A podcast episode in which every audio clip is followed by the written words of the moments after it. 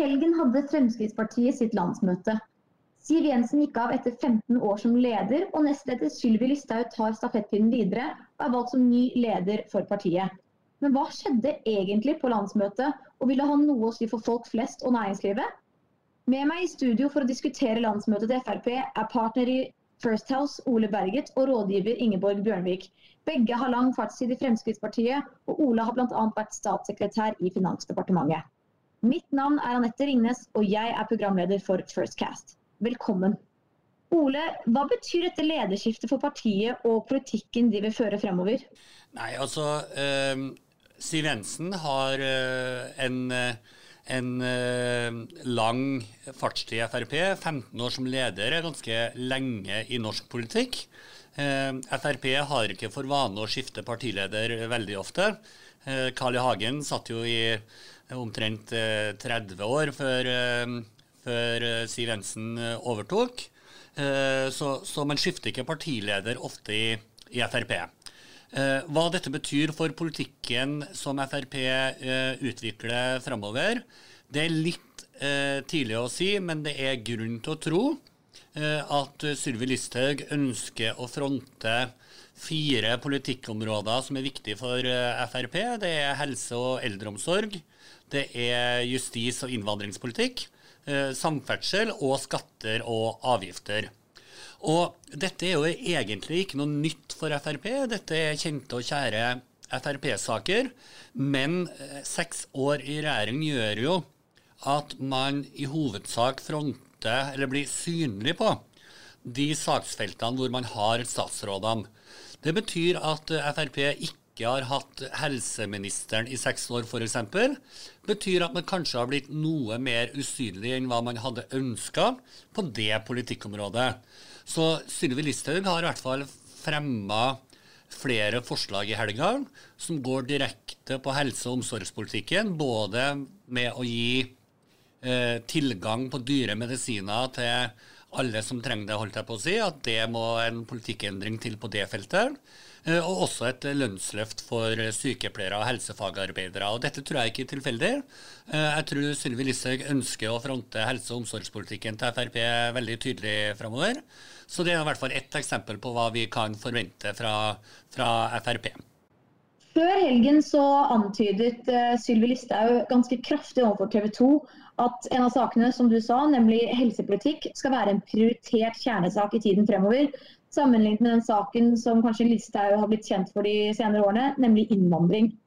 Diskusjonen rundt offentlige og private helsetilbydere er en sak partiet på venstresiden har løftet frem som en fanesak innenfor helse.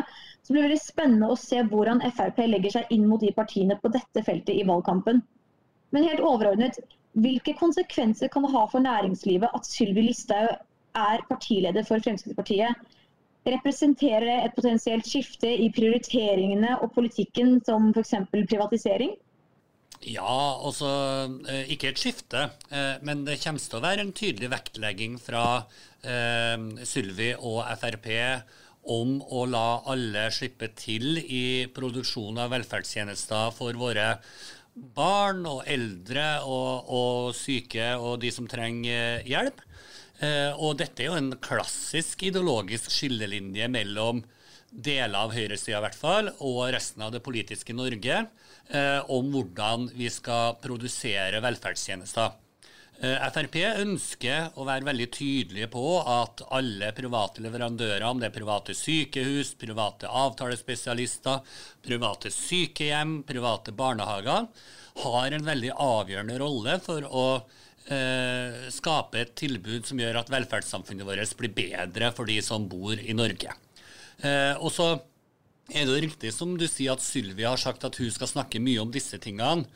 Eh, men det betyr nok ikke at det blir stille fra Sylvi Listhaug på verken på innvandring- og justisfeltet eller på, på, de eh, andre områdene som hun har vært veldig tydelig på tidligere. Men hun ønsker å brydde ut partiet.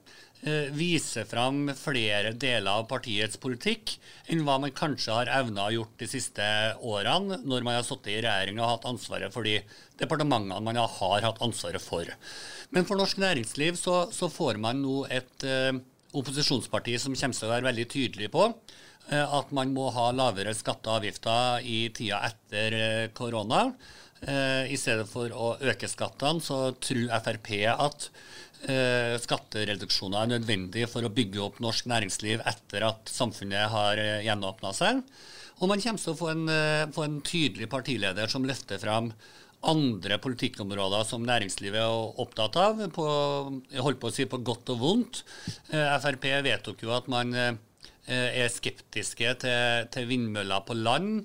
Man ønsker folkeavstemninger i de kommunene som skal ha dette, og, og en del andre områder hvor Frp tar tar nye, tydelige standpunkter som, som, egentlig er gammel eh, og god og kjent Frp-politikk for mange, men som, som, ikke har vært synlig og tydelig nok pga. regjeringsdeltakelsen, sånn som Frp selv analyserer situasjonen. Mens vi har lest i media, så har det vært tilfeller av personer som har gått ut mot ledervalget i Frp, og kanskje skapt litt rabalder i forkant av landsmøtet.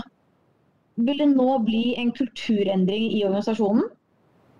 Altså, det er jo klart at Utad i mediebildet så ser vi at man både før, under og til dels også etter landsmøtet, så blir det jo tegna opp et bilde av et ganske splitta parti. Eh, sånn som jeg leser landsmøtet nå, så er det ingenting i den politiske debatten som bærer preg av det. Man er ganske omforent når det kommer til politiske saker.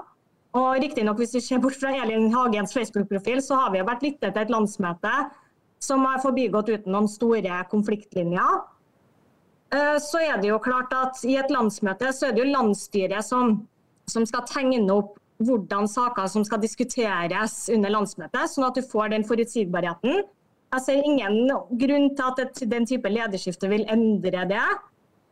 Men eh, det er jo klart at partilederen preger jo partiet sitt, og det vil jo være naturlig også i dette tilfellet. Ja, Ingeborg har, har helt rett. Det var ikke noe store politiske uenigheter i helgas eh, landsmøte. Det er ganske omforent eh, parti som stiller seg bak det nye partiprogrammet som ble vedtatt, eh, og, og, slike ting. Eh, og så tror jeg nok at eh, det er mange i eh, partiet og, og, samfunnet for øvrig som er spent på hvilken rolle vil Sylvi Listhaug eh, ta som partileder? Hvordan vil hun styre partiet videre? Og hvis vi skal dømme ut fra hennes første tale som partileder, eh, så, så er det jo mye som tyder på at hun kommer til å bredde ut sin egen saksportefølje, for å kalle det det.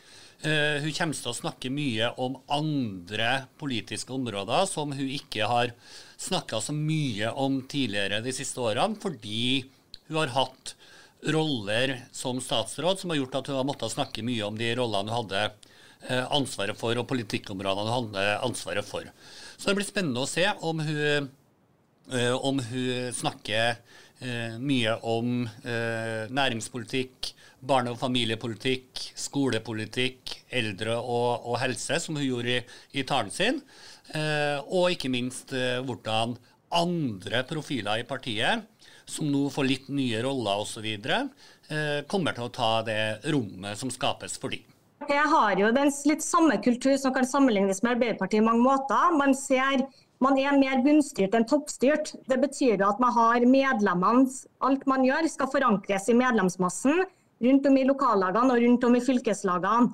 Og Det er jo klart at det er mer krevende å styre et sånn type parti. Men du ser det jo også litt som Ole inn på at man breier seg ut også i saksporteføljen. Så man spisser profilen når det kommer til næringspolitikken, man spisser profilen også når det kommer til klimafeltet. Og i tillegg krydrer programmet med en del ting som skal appellere til distriktet. Så da blir det desto viktigere å klare å bredde ut partiet. Både når det kommer til mannskapet, men også når det kommer til sak. Ja, og så tror, tror, jeg at dette er et, et langsiktig løp eh, som Sylvi Listhaug og resten av partiet og, og, ledelsen har lagt eh, opp til. Eh, for det tar tid å endre på en måte persepsjonen og oppfatninga av et parti.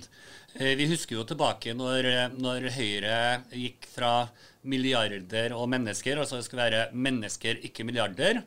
Da lå Høyre ganske langt nede på meningsmålingene og fant ut at de måtte rebrande er jo et moteord, men altså de måtte i hvert fall synliggjøre andre deler av politikken sin eh, enn eh, bare det som var klassisk høyrepolitikk på skatter og avgifter og næringslivspolitikk.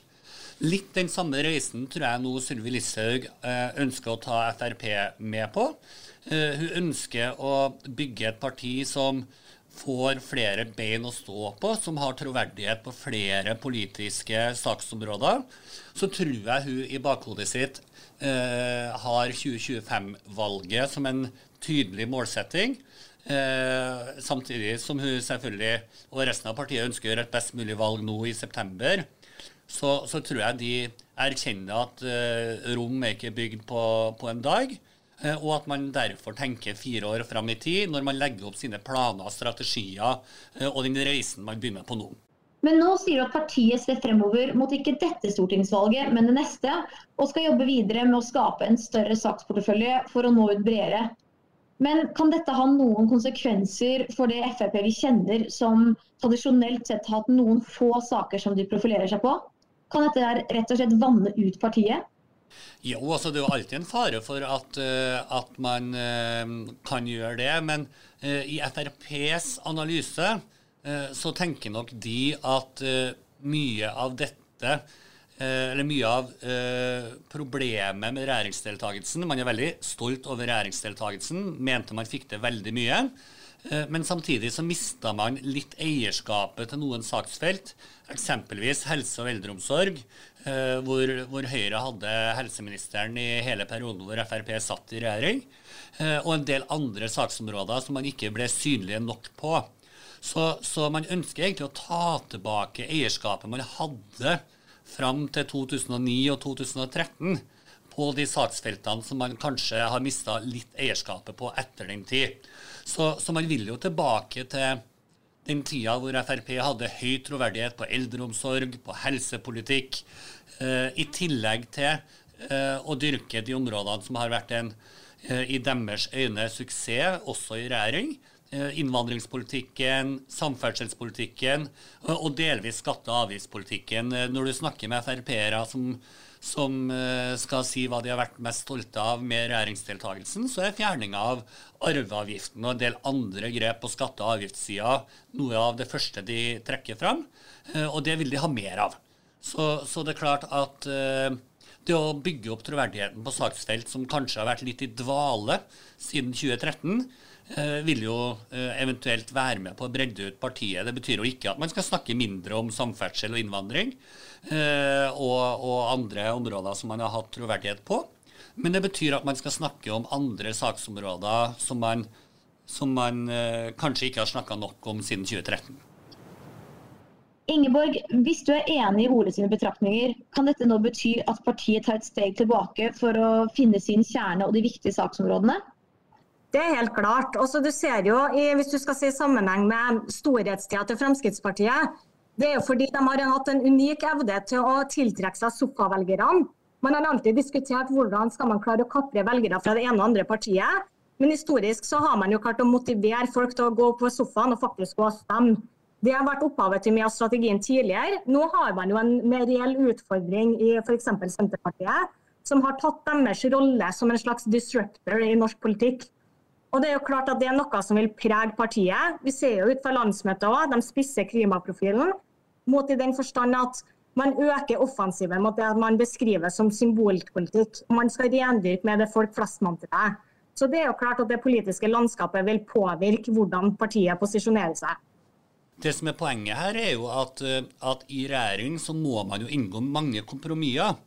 Eh, og for Frp så var det ganske eh, suksessfylt å styre alene sammen med Høyre i en mindretallsregjering.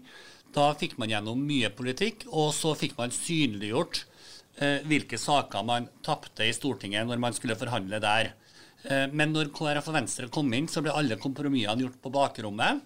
Eh, og da ble politikken noe mer eh, grå og kjedelig, sånn som Frp har karakterisert det selv. Det at man nå er et uh, uavhengig opposisjonsparti, gjør at man kan synliggjøre primærpolitikken sin i mye større grad.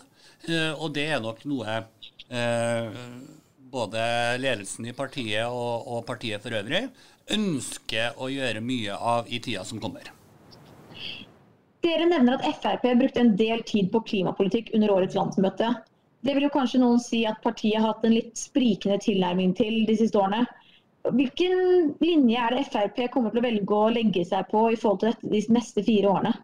Jeg tror Frp kommer til å legge seg på en profil hvor de er mot, veldig tydelig mot eh, det de eh, anslår for å være klimatiltak som er av symbolsk art, som ikke reduserer klimautslippene globalt.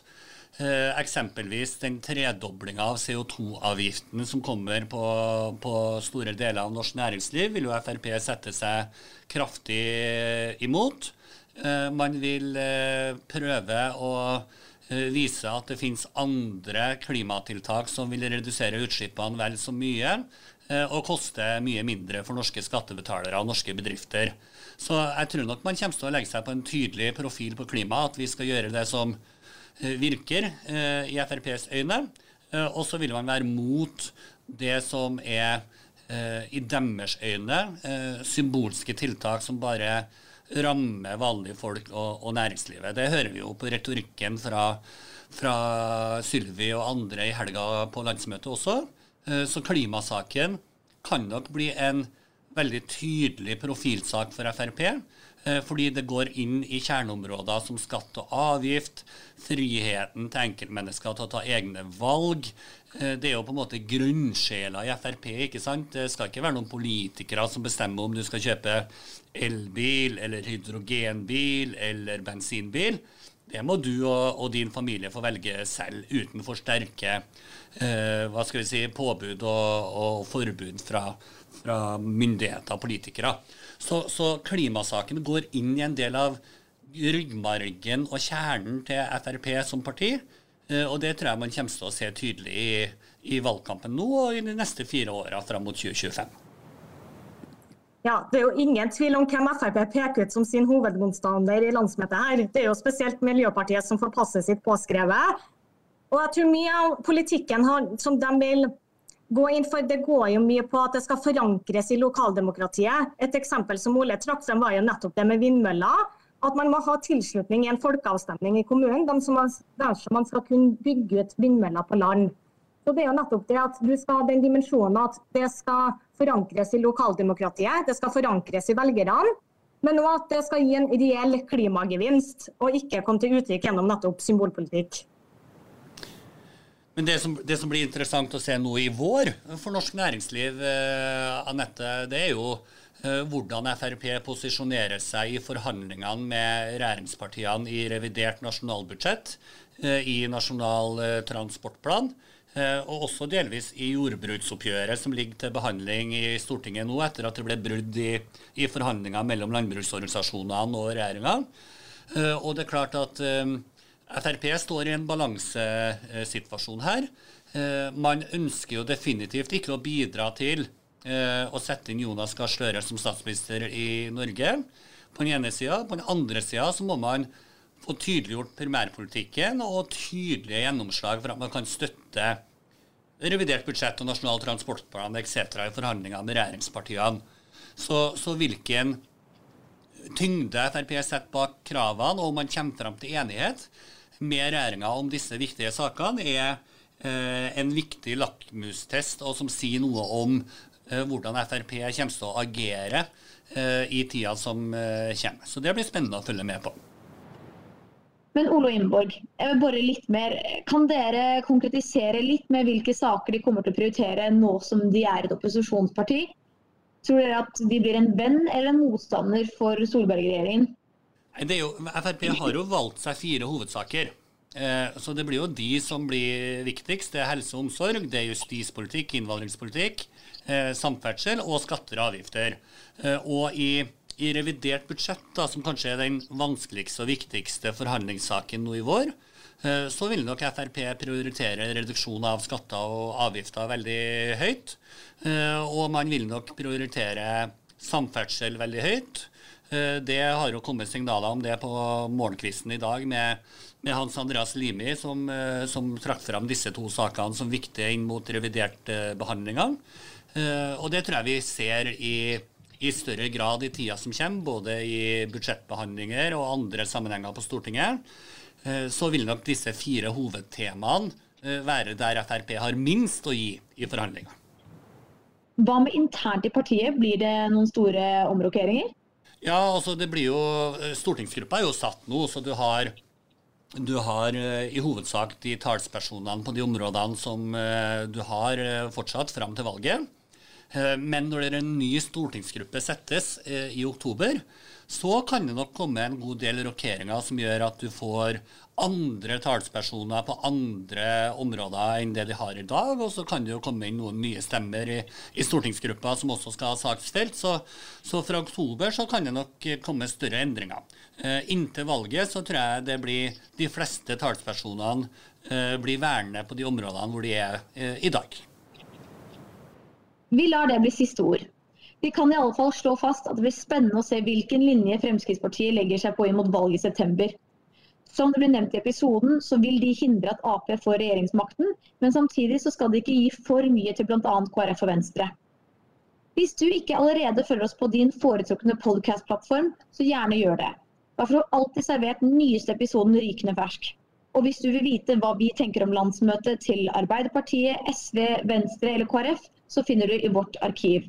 Til helgen så har Høyre landsmøte, så vi ses neste uke. Ha en fortsatt fin dag, og tusen takk for at du lyttet til First Cast.